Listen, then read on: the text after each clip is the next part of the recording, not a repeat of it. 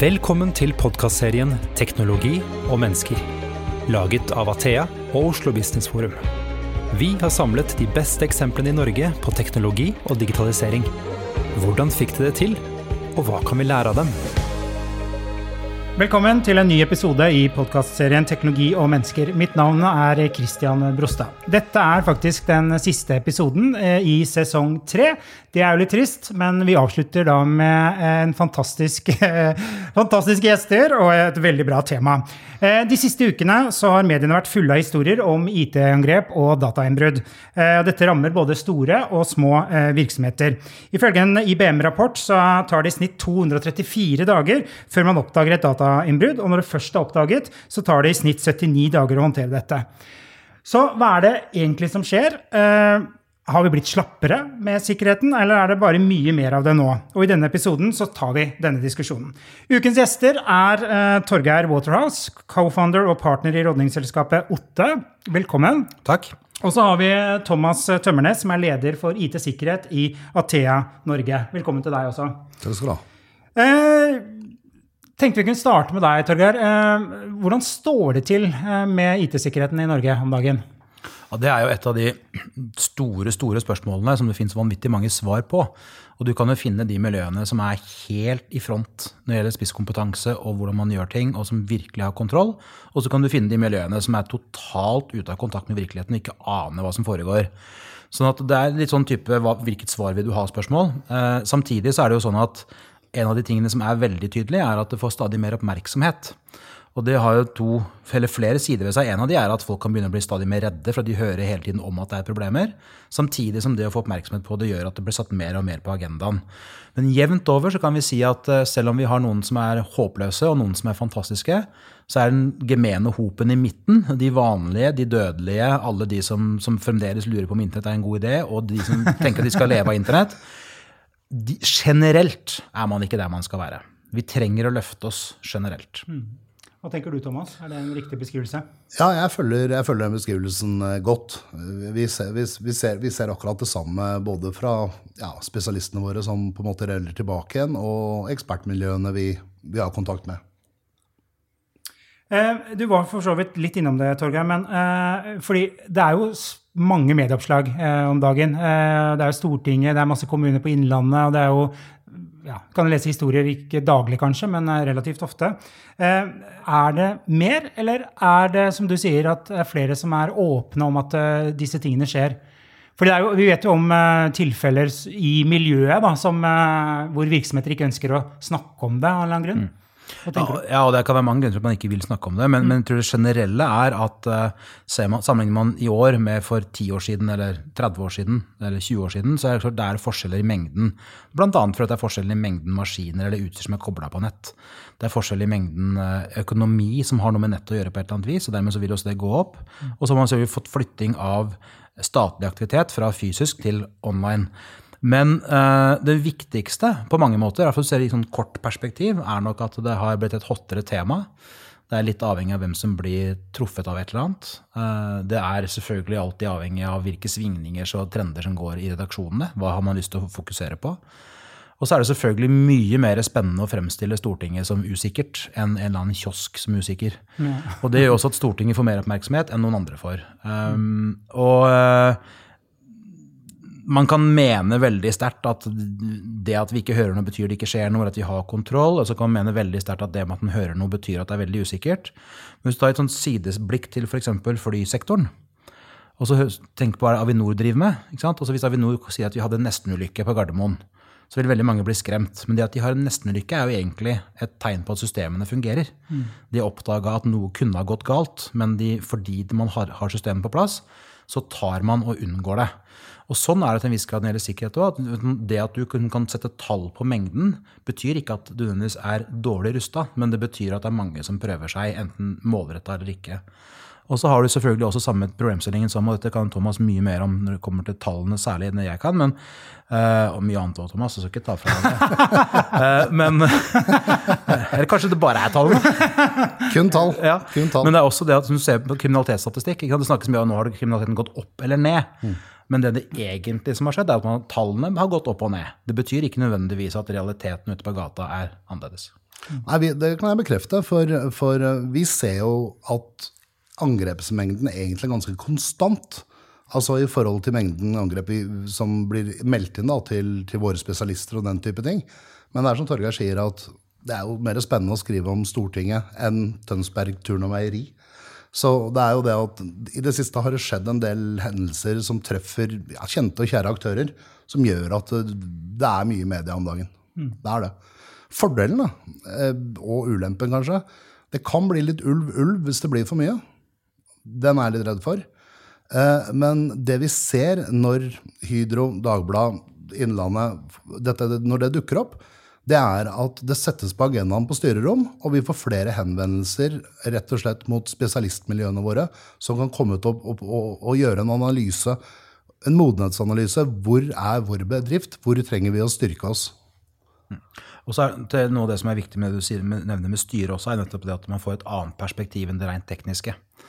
Og Det er noe av det som både bekymrer meg generelt, men også gleder meg i mye av det arbeidet jeg driver. Når vi opplever hvordan enten det er styre, eller eier, eller ledelse, eller for den del mellomledere, eller egentlig hvem som helst i en organisasjon, begynner å se på ok, men dette handler jo mye mer enn å ha den rette tekniske dingsen der og den rette policyen der. Det handler om kompetansen hos de ansatte, det handler om organisering, det handler om hvilke ting man overvåker og følger med på. Det handler for den del om hvilke designprosesser man har. Man skal lage en ny tjeneste, og så har du designa for at det mm. skal være lett for brukerne å gjøre ting riktig. Mm. Eh, og så, videre. så det å, å få, at vi stadig oftere får jobba med dette i en, et bredt perspektiv, Litt på samme måte som man kanskje kan sammenligne med, med samferdsel, altså veinettet. At bevissthet rundt at har du for mange skilt, så klarer ikke bilisten, bilisten, å følge med på skiltene, for det blir for mye. Mm. Eller eh, lyssettingen som er avgjørende, eller, og. Så, videre, og så, videre. så det å se at sikkerhet er veldig mye mer enn uh, kun det tekniske. Og jeg har jo sagt flere ganger til deg, Thomas, at, at sikkerhet er altfor viktig til å overlates til sikkerhetsfolk som deg. ja, det, det, har du for så vidt rett i.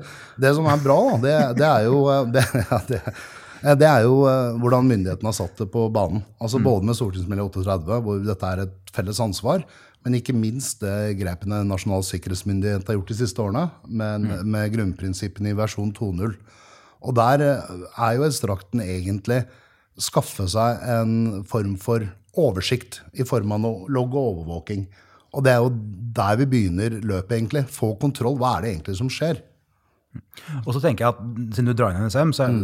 det er jo noe av det som har vært fascinerende og, og veldig fint å observere og, eh, og, ta del i på, på forskjellig vis, som vi har i de flere rollene vi har da, de siste årene. Hvordan eh, både NSM og andre deler av myndighetsapparatet i mye større grad har begynt å jobbe med både bransjen og samfunnet for øvrig. Ja. Både være åpne og være faglige. Og så er det hele tiden en vanskelig balansegang selvsagt, på hvor mye skal du dele, og hva skal du ikke dele. Men generelt så er jo en av utfordringene at kunnskapen om hva som foregår, er ikke tilgjengelig nok. Uh, på den ene siden, og på den andre siden så må man passe på at man ikke deler for mye, fordi det kan brukes til å, se, til å analysere hvordan man lærer om det som foregår også. Altså, og mer. Så, så, men, men den, den, kanskje i det elementet der, der er vi godt posisjonert igjen i Norge fordi vi er så små, vi har så høy tillit. Mm. Så vi klarer å jobbe sammen, og vi klarer, som jeg opplever det, å snakke sammen om det vi kan snakke sammen om, uten å skape en forventning om at vi skal snakke sammen om alt. Fordi NSM og flere de skal også ha en del ting som ikke vi får vite om. Helt klart. Og hvor de skal holde på, Om, er, om de er inne i en sånn mørk kjeller et eller annet sted, eller om de er i et opplyst rom, for hver én ting. Men, men, men de på en måte, det, der, det, er det å klare å holde disse tingene i samspill. At du holder det hemmelig hemmelig, og så jobber du godt i det åpne rommet, det som skal være åpent, og hvor vi trenger kunnskap. Ja, det er helt klart. Og, og, og NSM gjør jo en kjempejobb med, med, sine sensorikk rundt omkring for nasjonal kritisk infrastruktur og den type ting. Eh, men vi var jo tilbake ved den gemene hob. Som på en måte Ja, det er godt, det er positivt ment. Det er ikke som en Ja, ja, ja. ja, ja, ja er du gæren? Vi vanlige, vi dødelige. Nei, altså, det, det, er jo, det, er jo, litt sånn i Norge at vi er eh, PT. Så er det vel 591 000 selskaper i Norge. Av de så er det bare 845 som er større enn 250 ansatte. Det betyr at det er en veldig stor gruppering der ute som kanskje ikke får all den oppfølgingen man trenger. Og da er du inne litt og må spille på kommersielle aktører. Som, som oss som driver med rådgivning, som oss som driver med analyser og den type ting. For rett og slett å løfte samfunnet sammen. da. Ja, og så er det et eller annet med å se nettopp, for Vi har den næringsstrukturen vi har i Norge, og for den del også offentlig sektor. Hvis jeg husker rett, så er den minste kommunen i Norge bare akkurat over 200 innbyggere. Ja. sånn at Det her gjelder også offentlig sektor. og så er man avhengig av å jobbe sammen. Det er ingen som forventer at ethvert selskap skal bygge sitt eget bygg eller bake sitt eget brød til lunsj. Så, så, det er jo ingen grunn til at de heller skal kunne gjøre alt det andre digitalt. Men man er avhengig av å handle med hverandre. Enten det er varer eller tjenester eller det er kunnskap eller hva det måtte være. Og, og, og, en av utfordringene vi står overfor, er at dette er jo et felt som veldig mange er vant, ikke er vant til å bruke penger på. Verken tid eller penger. Så det å få dette inn i dette er en del av kostnaden med å drive næring i 2020. Mm. Dette er en del av kostnaden med å ha en offentlig sektor i 2020. Det er en av utfordringene. å få det inn i mindsettet på hva man bruker tid og penger på. Ja, det er helt riktig. For det er en av de, en av de tingene jeg ofte ender opp med å måtte hjelpe til med, det er faktisk å hva skal jeg si, ansvarliggjøre hvem, hvor IT-sikkerhetsansvaret ligger i en virksomhet. Og ikke minst forklare hvordan man skal kunne regne hjem en ROI, altså på investeringen for IT-sikkerhet. Og det er jo i manges øyne kun en utgift. Vet, det blir som å kjøpe forsikring. Du vet jo ikke om det smeller. Det er greit å ha når det smeller. Og dette her er jo en preventiv eh, investering veldig ofte. Så det å regne det hjem Men det jeg er helt sikker på, det er at jeg vil mye heller være en samarbeidspartner med noen som har investert i sikkerhet, enn noen som kanskje ikke har gjort det. For du blir jo ikke bedre enn den partneren du jobber med heller. ikke sant? Nei, og Samtidig så tenker jeg at uh, hvis man holder litt fast på den sammenligningen med forsikring, da, om mm. du tenker deg på en reiseforsikring, noe som blir stjålet, eller en bil eller hus, eller hva det måtte være, så er det klart det at det er en viss forskjell. fordi at uh, når uh, når min bolig er forsikra og har innboforsikring, og jeg får penger hvis noen kommer og stjeler masse ting, så, så, er det en type one-off. Det skjer én hendelse som gjør at du blir kompensert for noe. Mens i den, det sfæren vi snakker om nå, så er jo ofte utfordringen at det skjer ting kontinuerlig, og som ofte ikke, du ikke vet om engang. Og det er ikke mm. gitt at du vet mm. at du har blitt utsatt for noe. Og du har en helt annen type Du er ikke nødvendigvis data tapt, som, som gjør at det er utilgjengelig for deg selv lenger men de kan være tapt i den forstand at de er på avveie i tillegg. Ja. Og det kan være et problem for deg, enten det er direkte inn i næringsdriften din, eller det er for den del i forhold til personvernregelverket, hvor du har et ansvar for å passe på at ikke det skjer. Sånn at det er mange aspekter ved hva som kan skjære seg her. Og, og, og igjen, man må liksom komme inn i en situasjon hvor man har en forståelse for det, har et overblikk over det og lykkes med å, å sikre seg godt nok. Mm. Uh, og så er det selvfølgelig andre siden av det som er viktig for oss å være ryddig på, alle vi som, som, på et eller annet vis skal levere tjenester eller produkter. Det er jo også at det er veldig lett når det blir mer oppmerksomhet også, å bare overselge overalt. Og det, og det, der, det, må vi også unngå. Så vi må finne det balansepunktet som gjør at, at man ikke bare får satt det på agendaen, ikke bare at man får akseptert at vi skal bruke tid og penger på det, og kunnskap og ressurser og hva det måtte være, men også at vi gjør det på en måte som gjør at man ivaretar den nødvendige tilliten til det, det, miljøet som snakker om å jobbe med sikkerhet over tid. Og det tror jeg er, det tror jeg er en av key-faktorene her. Eh, det er, jo, det er jo en del spillere på banen. Og, og man har jo ja, forskjellige både rykter og renommeer, og man selger opp. Og det er jo snakk om en del salg. Det er jo ikke tvil om det. Eh, det er vel 5,7 milliarder kroner i året man sier at denne businessen egentlig er i Norge, hvis du tar søkk og snøre. Eh, det vi opplever, da, det er jo at kompetansen vi nevner, den mangler jo. Altså i stor grad. Vi, PT i dag så er det vel 1900 eh, ja, mennesker vi mangler med høvelig kompetanse, og i 2030 så var vel tallet 4100. Det betyr at vi i større grad må kjøpe dette som en tjeneste, rett og slett fordi vi ikke har muligheten til å få tak i den tjenesten in-house. Så jeg følger deg veldig på den, den tilliten som følger på veien i leveransen. Men det handler vel også om at vi må utdanne de som lager etterspørselen. Altså mm. forespørselen. Ja, for, fordi, av flere årsaker så trenger vi å gjøre det. For vi er jo avhengig av at de fleste i de bedriftene, om de er 2, 8, 10, 30, nærmer seg 100, og, så, og fremdeles egentlig ganske små, så jo mer de har som, som basiskompetanse internt og kan gjøre selv, jo, mm. jo, mer løfter man grensa for når man trenger noen eksternt fra, som er de ekspertene som, som det er for få av. Ja. Så det i seg selv er jo en, en, verdi for oss som samfunn, at, får, at, man, at alle kan mer. Men det er også viktig for, for hver enkelt for at de kan inngå i samtaler med fagmiljøet rundt seg. Og være i stand til å ha en samtale. Altså, vi vet jo alle sammen hvordan det er å forsøke å ha en samtale med en håndverker som snakker om noe du ikke skjønner. Ja, du, det, det, du merker, er at du er ikke, jeg, jeg, jeg, er med i samtalen, men jeg er egentlig ikke det likevel. Uh, så, det, så det, å, uh, det, å, finne det nivået der er helt avgjørende. Og der har vi en stor utfordring i f.eks. utdanningssektoren. Hvilken sikkerhetskompetanse og forståelse mm. trenger man i de forskjellige profesjonsutdanningene? Hva trenger man i, for alle? Mm.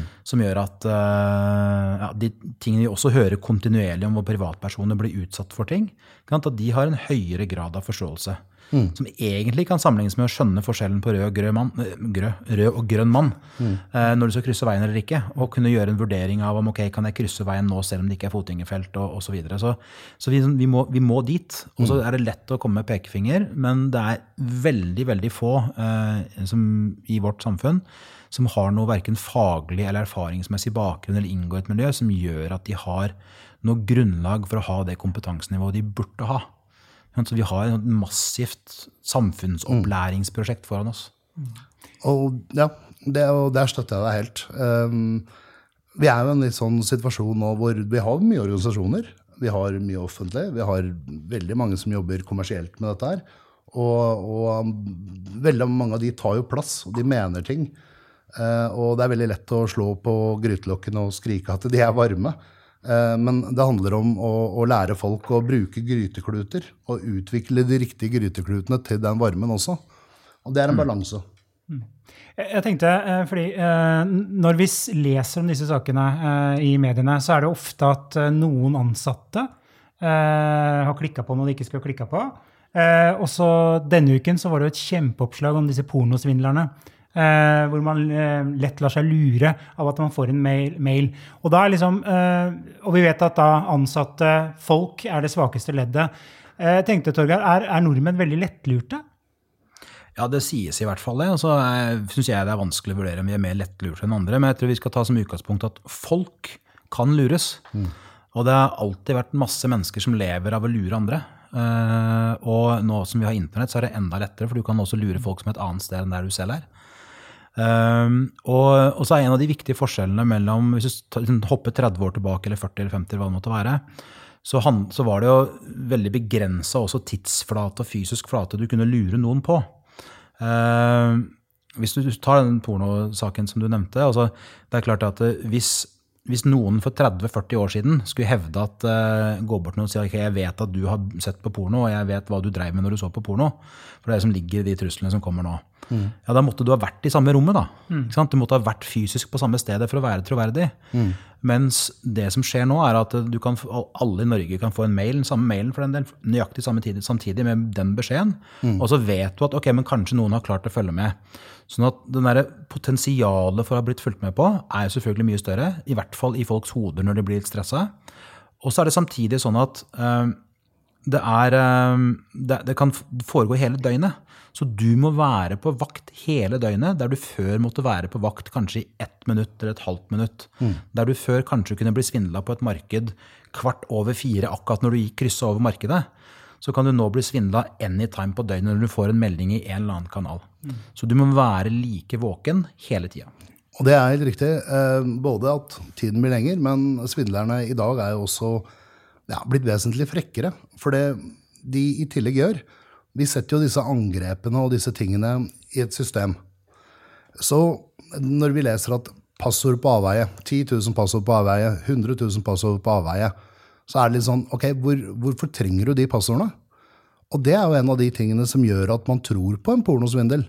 For det når du får den henvendelsen, så er det veldig ofte at det ligger med en linje. Eh, vi vet dette er din mailadresse, og dette er ditt passord. Og hvis du da ikke har sjekket om passordet ditt har blitt kommet på avveie, og du får den Oi, her har de vært inne på PC-en min, for dette er mitt passord. Så er det, da er du ganske nærme en offentlig gapestokk. For det det står nederst i mailen, er at vi kommer til å dele denne pornomailen med absolutt alle du kjenner på Facebook. Og det er jo offentlig gapestokk. Og den, den passordet som ligger ved, det er jo en bekreftelse på at de faktisk vet om noe. Men, som Torgeir sier, dette sender man ut til bøtter og spann. Man bare setter det litt i system. Så du har jo egentlig ikke noe annet enn en gammel passord som er stjålet. Du bare prøver å bruke det for å åpne døren. Mm. Det kanskje mest overraskende i saken er jo at eh, For vi vil jo tro at eh, det er de eldre som er mest eh, minst digitale. da. Mens i den oversikten som sto i NRK, så var det jo faktisk de som betaler ut, da. Det er jo aldersgruppen 15 til 34 år. Skulle man ikke tro at de var mindre lettlurte? Eller er det, er Ja, altså, jeg må si, la meg et av de begrepene vi hører stadig mindre om, da, som jeg er veldig glad for at vi hører stadig mindre om, er digital natives, eller digitalt innfødt på norsk. For det er jo fjas.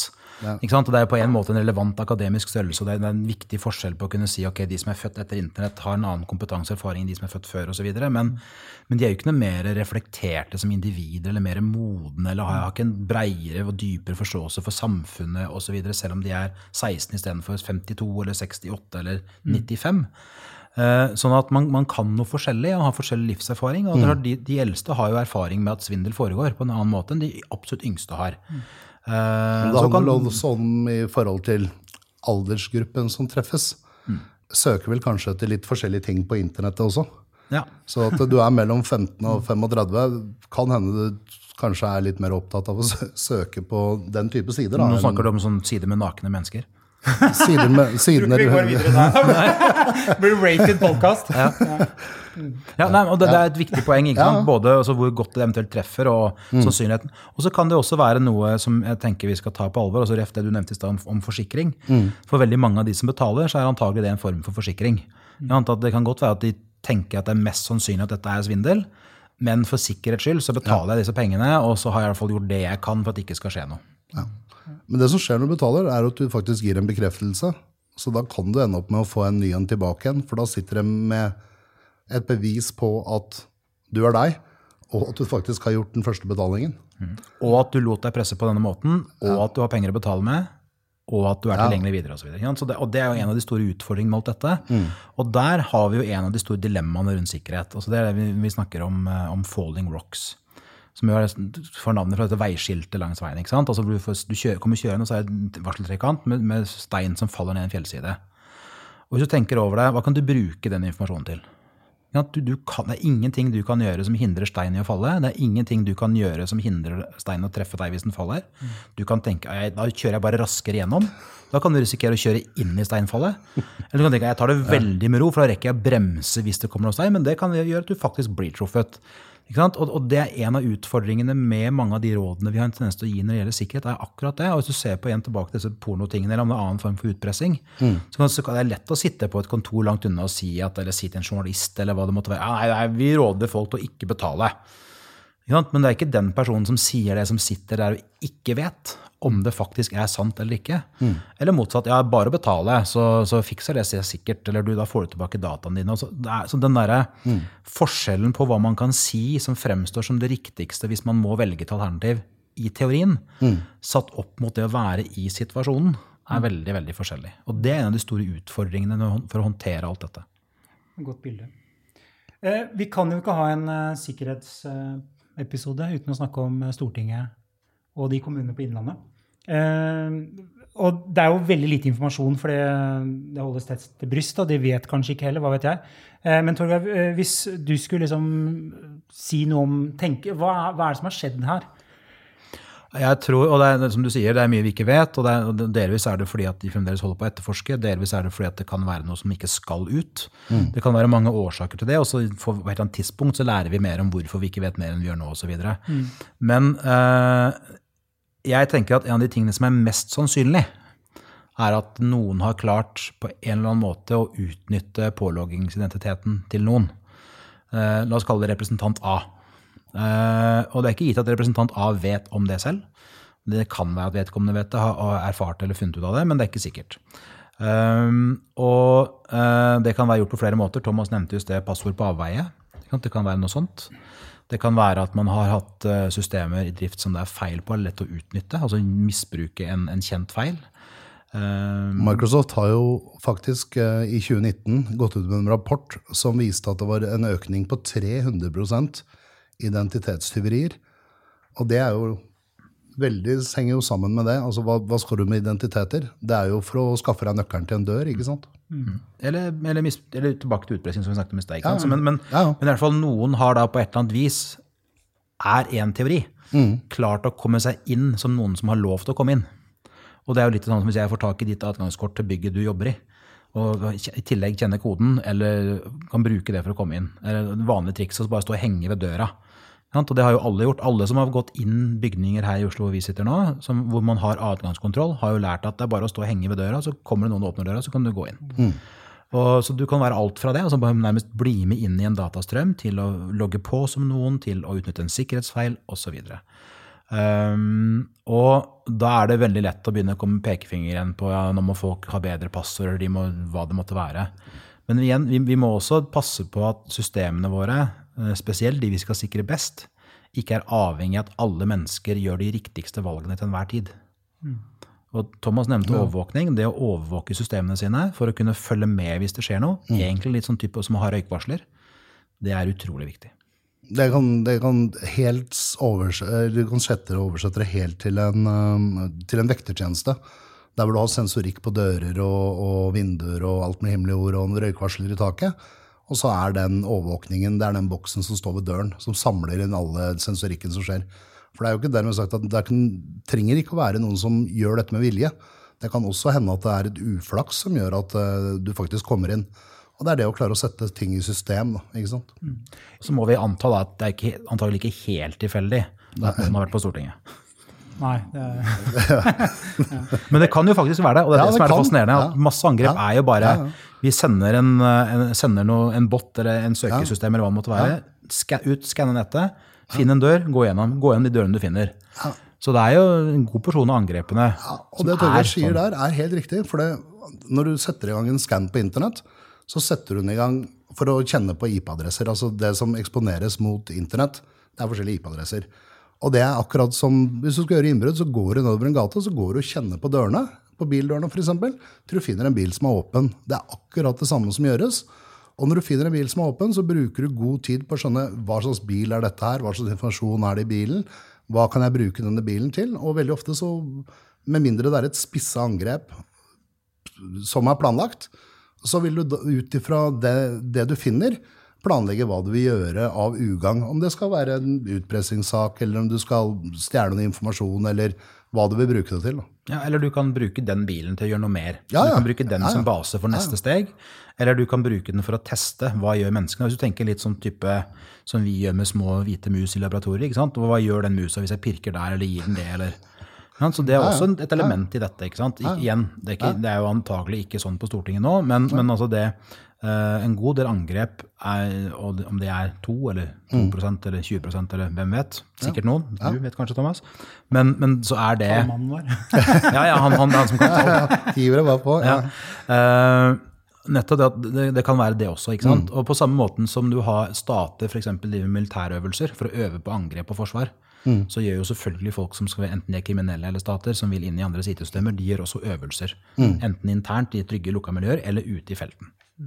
Mm. Et sånn, eh, I researchen her så uh, var det et ord som dukket opp hele veien, og det var at uh, alle sånne type angrep da, uh, Så beskriver man det med avanserte angrep. Mm. Er det veldig avansert liksom, sånn generelt sett, eller er det bare fordi at man ikke har alt i orden, og så liksom, hiver man på en eh, merkelapp at dette er avansert, vi kunne ikke gjøre noe med det? Hva tenker dere? Jeg tror, ja. ja nei, altså Det fins jo selvfølgelig veldig avanserte angrep. Ja. Der hvor du vet hvem du vil ha, hva du er ute etter, og hvorfor du skal ta det. Og der kan man jo legge veldig mye tid og krefter i å stjele den informasjonen. Mm. Men brorparten av det våre eksperter ser, det er lite avanserte angrep. Det er rett og slett de som vi snakket om i sted. De som står og rister i dører til de finner et eller annet. De som står og skanner internett for kjente sårbarheter som ikke er patchet ennå. Kommer de inn der. Så det er, en, det, er en, det er, veldig vanskelig å svare ja eller nei på dette, for det, det kommer veldig an på situasjonen. Mm. Og så er det også spørsmålet hva du legger i begrepet avansert. For hvis du tenker deg at du, en, at du snakker med hele befolkningen, så, så er nesten uansett det som skjer, avansert for veldig mange. Men i et fagmiljø så vil det veldig ofte fremstå som ikke-avansert. Eh, men eh, samtidig så kommer jo veldig ofte de analysene og antakelsene i forkant, eller når noe akkurat har starta å skje. Og det er klart det at eh, et angrep på Hvis vi holder oss litt i Stortinget, så kan jo et angrep på Stortinget det kan være veldig avansert. Det kan være planlagt i lang tid. Det kan være masse øvelser og tester og overvåkning og virkelig kartlegging. Og, og være avansert i form av f.eks. kompetansen og utstyr osv. som er tatt i bruk hos de som planlegger å gjennomføre angrepet. Eller det kan være nærmest helt tilfeldig. Eh, og kanskje sitter en eller annen et eller annet sted alene og gjør det på, helt på egen hånd og litt sånn dumpa over. Så, uh, men vi må samtidig, og det er en av utfordringene for oss, vi må være gode til å beskytte oss mot den tilfeldige eh, nærmest ja, en stein som faller ned fra fjellveggen eller istappen som faller fra taket. Og som må være gode til å beskytte oss mot det strukturerte, planlagte, avanserte. Og i det må vi samtidig også erkjenne at det er noen ting vi antagelig aldri kommer til å klare å beskytte oss mot. Men da har vi lagt lista så høyt at eh, de som kommer og tar oss da, de kommer og tar oss uansett. Og det er jeg helt enig i. for det, det, Hvis vi klarer å legge lista så høyt, så vil du jo fjerne alle de som script, det vi kaller for script kiddies og den type ting. altså sånn Litt amatører, da, litt sånn nettroll som er ute og finner på tøyseri. Da presser du den oppover. Og når vi presser grensen oppover til at det blir mer avansert, færre angrep og kommer opp dit, så vil jo også myndighetene få mer ressurser for å etterforske det som er viktig. da, Istedenfor å bruke tiden på det som kanskje er litt mer kommersielt rotete. Du kan jo bestille et angrep på nettet. ikke sant? Så vi får en, vi får en helt annen balanse i samfunnet når vi kommer dit. Torgeir. Akkurat det er også veldig viktig, det med å bestille angrep. fordi jeg har jo sett på flere av disse tjenestene hvor du, du får samme type menyvalg som du har i de vanlige stedene vi skal bestille ting og kjøpe ting på nett. ikke sant? Du kan kjøpe, du, Og du har eh, supportdesk, og du har åpningstider, og du Ja, har eh, garanti, språk garanti på at du ja, ja. får ROI på det du bestiller, og alt mulig. Så er en tjeneste på nettet som jeg kan kjøpe for å Ja, ja, ja. sette i gang et Ja, om, du, om du går til Netflix trenger ikke å lære Christian for mye om akkurat det. skjønte jeg, men, Nei, men vi, han, eh, vi tar og vi rydder opp i det etterpå. Vi bare, men, men altså, vi, du kan tenke deg at du, du skal abonnere på Netflix, og så velger du kvalitet på strømmer du skal ha, altså bildekvalitet og lydkvalitet. Du velger hvor mange devices du kan ha det på samtidig, osv. Mm. Og du ser at de har en, du kan nå de via Facebook, du kan nå de via mail, du kan nå de via chat osv. Masse, Og sånn som dere i Athea også har på, for, i supportkanaler mot deres kunder. Um, og, og dette har du på en del av de det mest proffe tjenestene der ute. At du kan velge hva slags type angrep du skal ha, intensitet, hvor lenge det skal vare, hvor det skal komme fra. Du har Supporten er tilgjengelig, kan hjelpe deg å konfigurere. Du, som alt annet du er vant til å kjøpe på nettet. Et, Så- godt, et godt eksempel på det er for noen år siden så gikk det an å bestille det vi kalte for et DDoS-angrep. Da er det veldig mange enheter som, som kontakter samme serveren, slik at den kneler. Og um, du kunne få det gratis. Altså sånn, Du kunne få prøvekjøre det gratis. Og det man så da, det var en del ja, skoler og, og innenfor skolesektoren som gikk ned da i typisk de sju-ti minuttene som en sånn gratisprøve var. Så den var jo da yngre mennesker, som sannsynligvis, da, som var elever som var inne og testa ut og, og så på. Så det er ikke noe problem det å bestille DDoS-angrep og, og knele en server hvis det er et ønske. Samtidig da, så er det klart at det er jo ikke, det er jo litt vanskeligere å finne enn det er å finne Netflix. Så det er jo sånn at det er også noe her med å se det perspektivet. Og så tenker jeg at det er også en god påminnelse om at veldig, veldig mye av det som foregår, strengt tatt kanskje alt som foregår, er jo individer som har tatt et valg. Ja. Og det er også en viktig side ved hele sikkerhetsdiskusjonen og debatten rundt hvordan vi skal håndtere, og hvem som har ansvar og så. Det er faktisk noen som tar et valg om å utnytte en feil. Altså, Thomas brukte bildet i stad at du går og kjenner på bildørene. Det er ikke et problem at den bildøra er ulåst hvis ikke noen kjenner på den.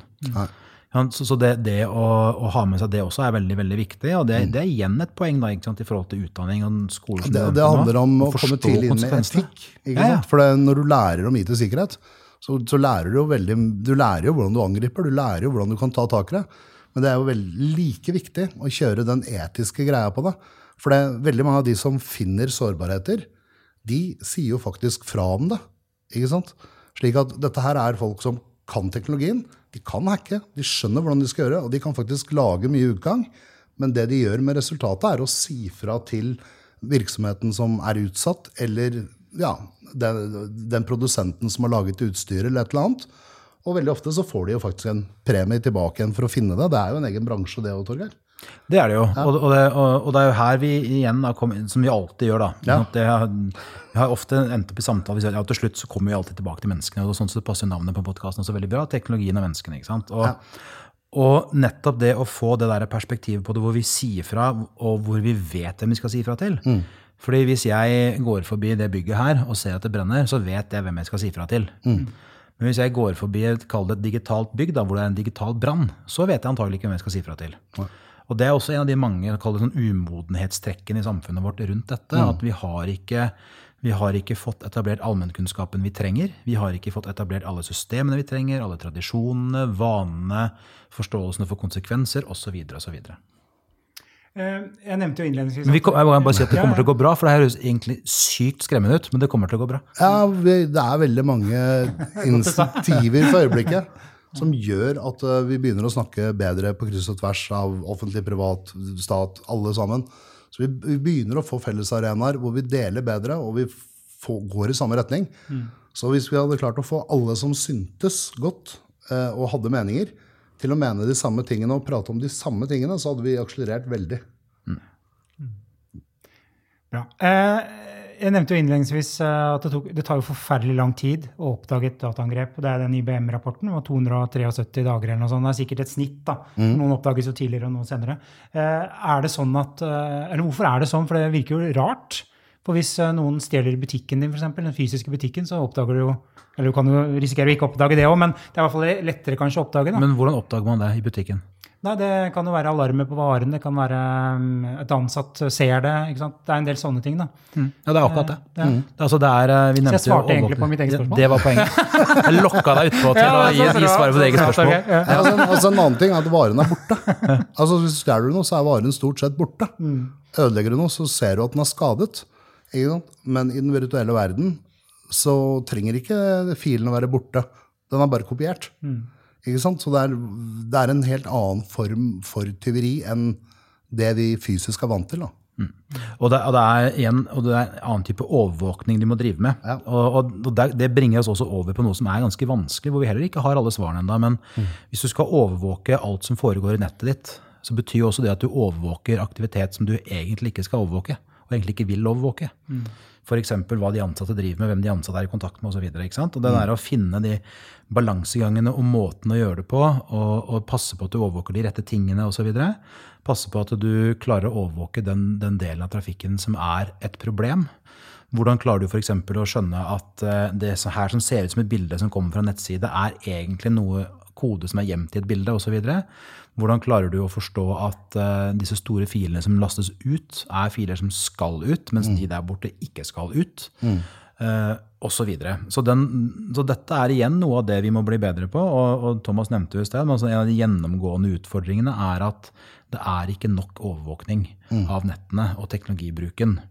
Uh, og dette er vi vant til fra arbeidsplassen der det for er kameraovervåkning. Så har man funnet fram til måter å overvåke på en sånn måte at du ikke overvåker de ansatte, men du overvåker kalle risikopunktene. Og det er jo noe av det som, som må jobbe stadig mer med her, altså komme seg dit. Eh, vi nærmer oss slutten her, men eh, hvis uh, Det er til dere begge, da, for så vidt. Uh, dere ser litt skeptiske ut.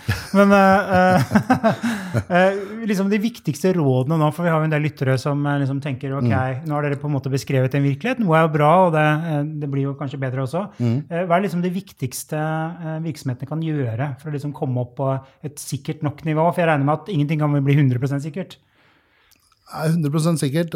Da må du trekke ut pluggen og, Og gå hjem. Ja. Ja. En slåmaskin nå, i tillegg til inni en fjellhule. Nei, altså det er jo en, det er jo en liste med, med veldig enkle ting. Det første er jo tofaktorautentisering. Det finnes ingen god grunn til at du ikke skal ha det. Ja, Bortsett fra da, at mange bruker tjenester som ikke støtter det. Og Det er noe av problemet. ikke sant? At du har, og Da må du se på om du kan skifte til en annen tjeneste eller gjøre noe annet i mellomtiden, men alle skal dit.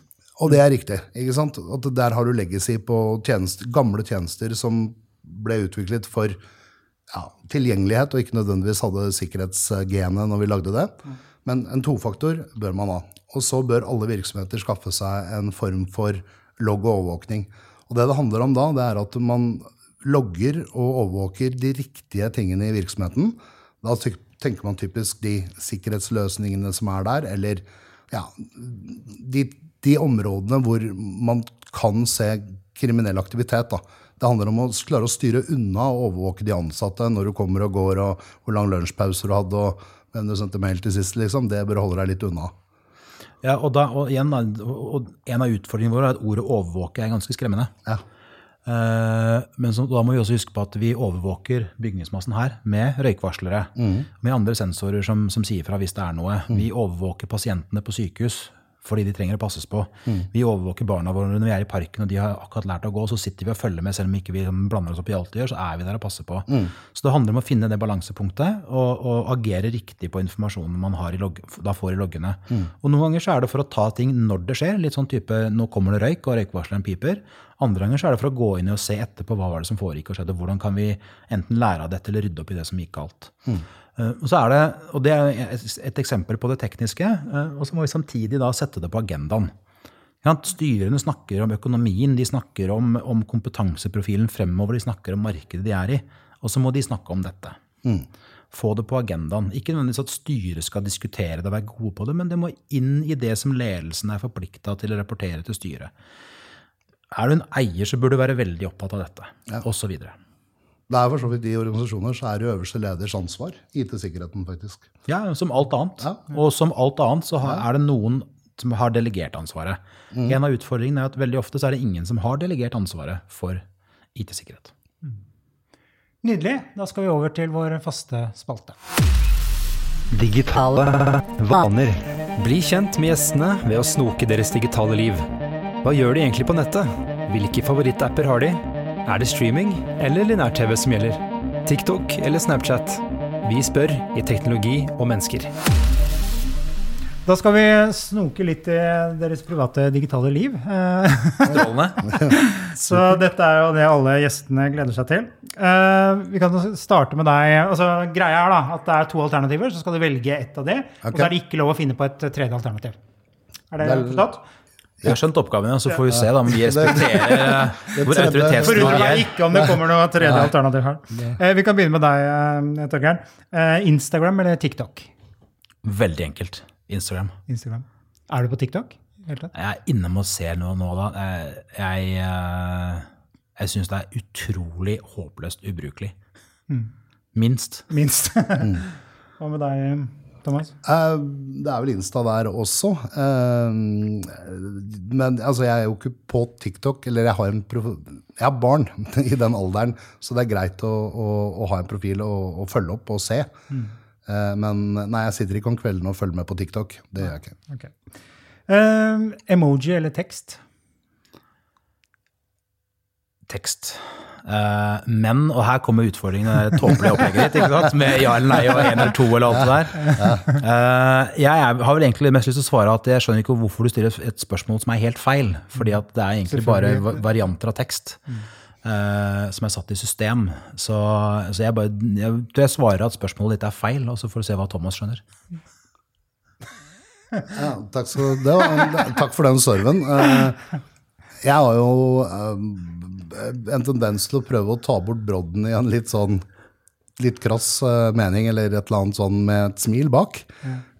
Men jeg faller også på tekst. Det er jo det som bærer oss. Det er det. Ja. Skal vi endre dette spørsmålet til sesong fire, da? Så det er bra med feedback, det elsker vi. Eh, hjemmekontor eller kontoret på jobben? Åh, jeg vil ha vil ikke, jeg vil ikke eh, kontor der det måtte det feil spørsmål? Ja, jeg er bare feil. Det er et veldig veldig håpløst system. Nei, jeg tror eller i hvert fall de siste månedene opplagt hjemmekontor. Og så savner jeg kontoret på jobben. øh, Og samtidig når jeg tenker at jeg er der, så lurer jeg på øh, går det an å være med på hjemmekontor også. Så det er litt sånn, jeg er veldig farga av og der jeg er, og der jeg ikke er. Men, men hvis vi skal ta sånn stort på det, så er det klart at kontor på jobben, fordi at vi trenger å jobbe sammen. Og se hverandre og møte hverandre. Altså, jeg jobber godt på et hjemmekontor, og jeg er veldig imponert over hvor fort vi egentlig adopterte det å jobbe på hjemmekontor. Eh, Det jeg savner, eh, er jo selvfølgelig kollegaene og arbeidsplassen. Men jeg opplever meg selv litt når jeg er der nå, som en, som en, som en sånn hundevalp på et jorde. Det er alltid et eller annet som skjer som tar, tar oppmerksomheten min litt. Så effektiviteten akkurat nå er nok høyest på hjemmekontoret. Men jeg savner veldig å være på kontoret på grunn, rett og slett pga. Kolleg kollegiumet. Ja. Tredje siste. Uh, nå er jeg så veldig redd for å stille feil spørsmål! Eh, Ringe eller sende meldinger, Torgeir? Ja, primært meldinger. Ja. Det, det, her, eh, det kommer veldig an på til hvem. Ja, Ja, veldig, veldig an på til hvem. Um, Men hvis vi må velge, da. Ja, Ja, han hvis følger man, ikke systemet. Nei, det er jo ingen av dere gjør det. det eh, nei, altså, det, men det handler om eh, Barna ringer. Eh, for de legger aldri merke til hvor jeg har sendt melding, eller om jeg har sendt melding. eller så var det ikke sånn, Men hvis jeg ringer, så får jeg en konstant. Ja, jeg tror jeg går på ringing, jeg, altså. Det er Bra, da skilte dere lag. Eh, Nest siste, lineær-TV eller streaming? Det er lett streaming. Har du noen favorittserier nå? Eller programmer du ser?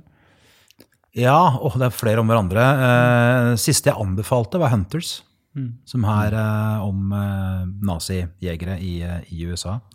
Eh, og som har noen fantastiske førsteminutter som er usedvanlig grusomt voldelige og jævlig, og samtidig helt fantastiske å se på. I en sånn type tegneserie-Gladvold-perspektiv.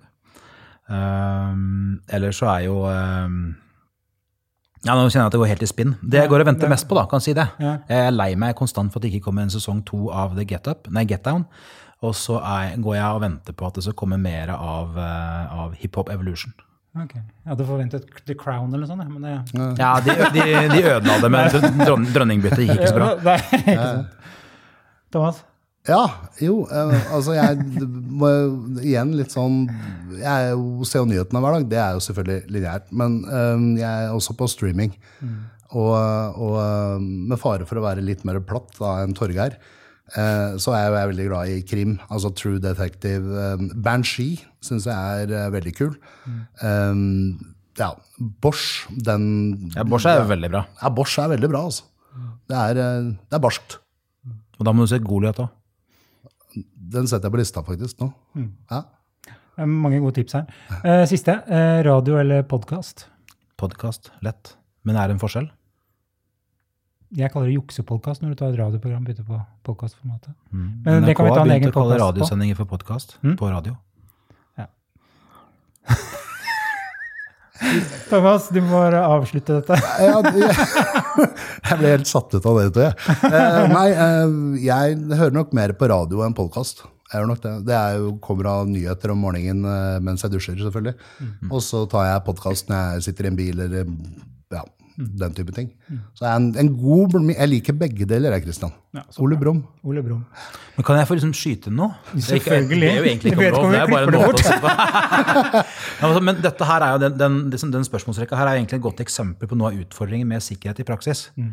Fordi at man lager et premiss for hvordan noe skal foregå, og så finner menneskene måter å få ting til på sånn som de ser for seg likevel. Og Det er en av de store utfordringene at vi har møte mellom menneske og teknologi, og så vil vi menneskene noe annet enn det noen har planlagt for eller prøvd å styre oss til å gjøre.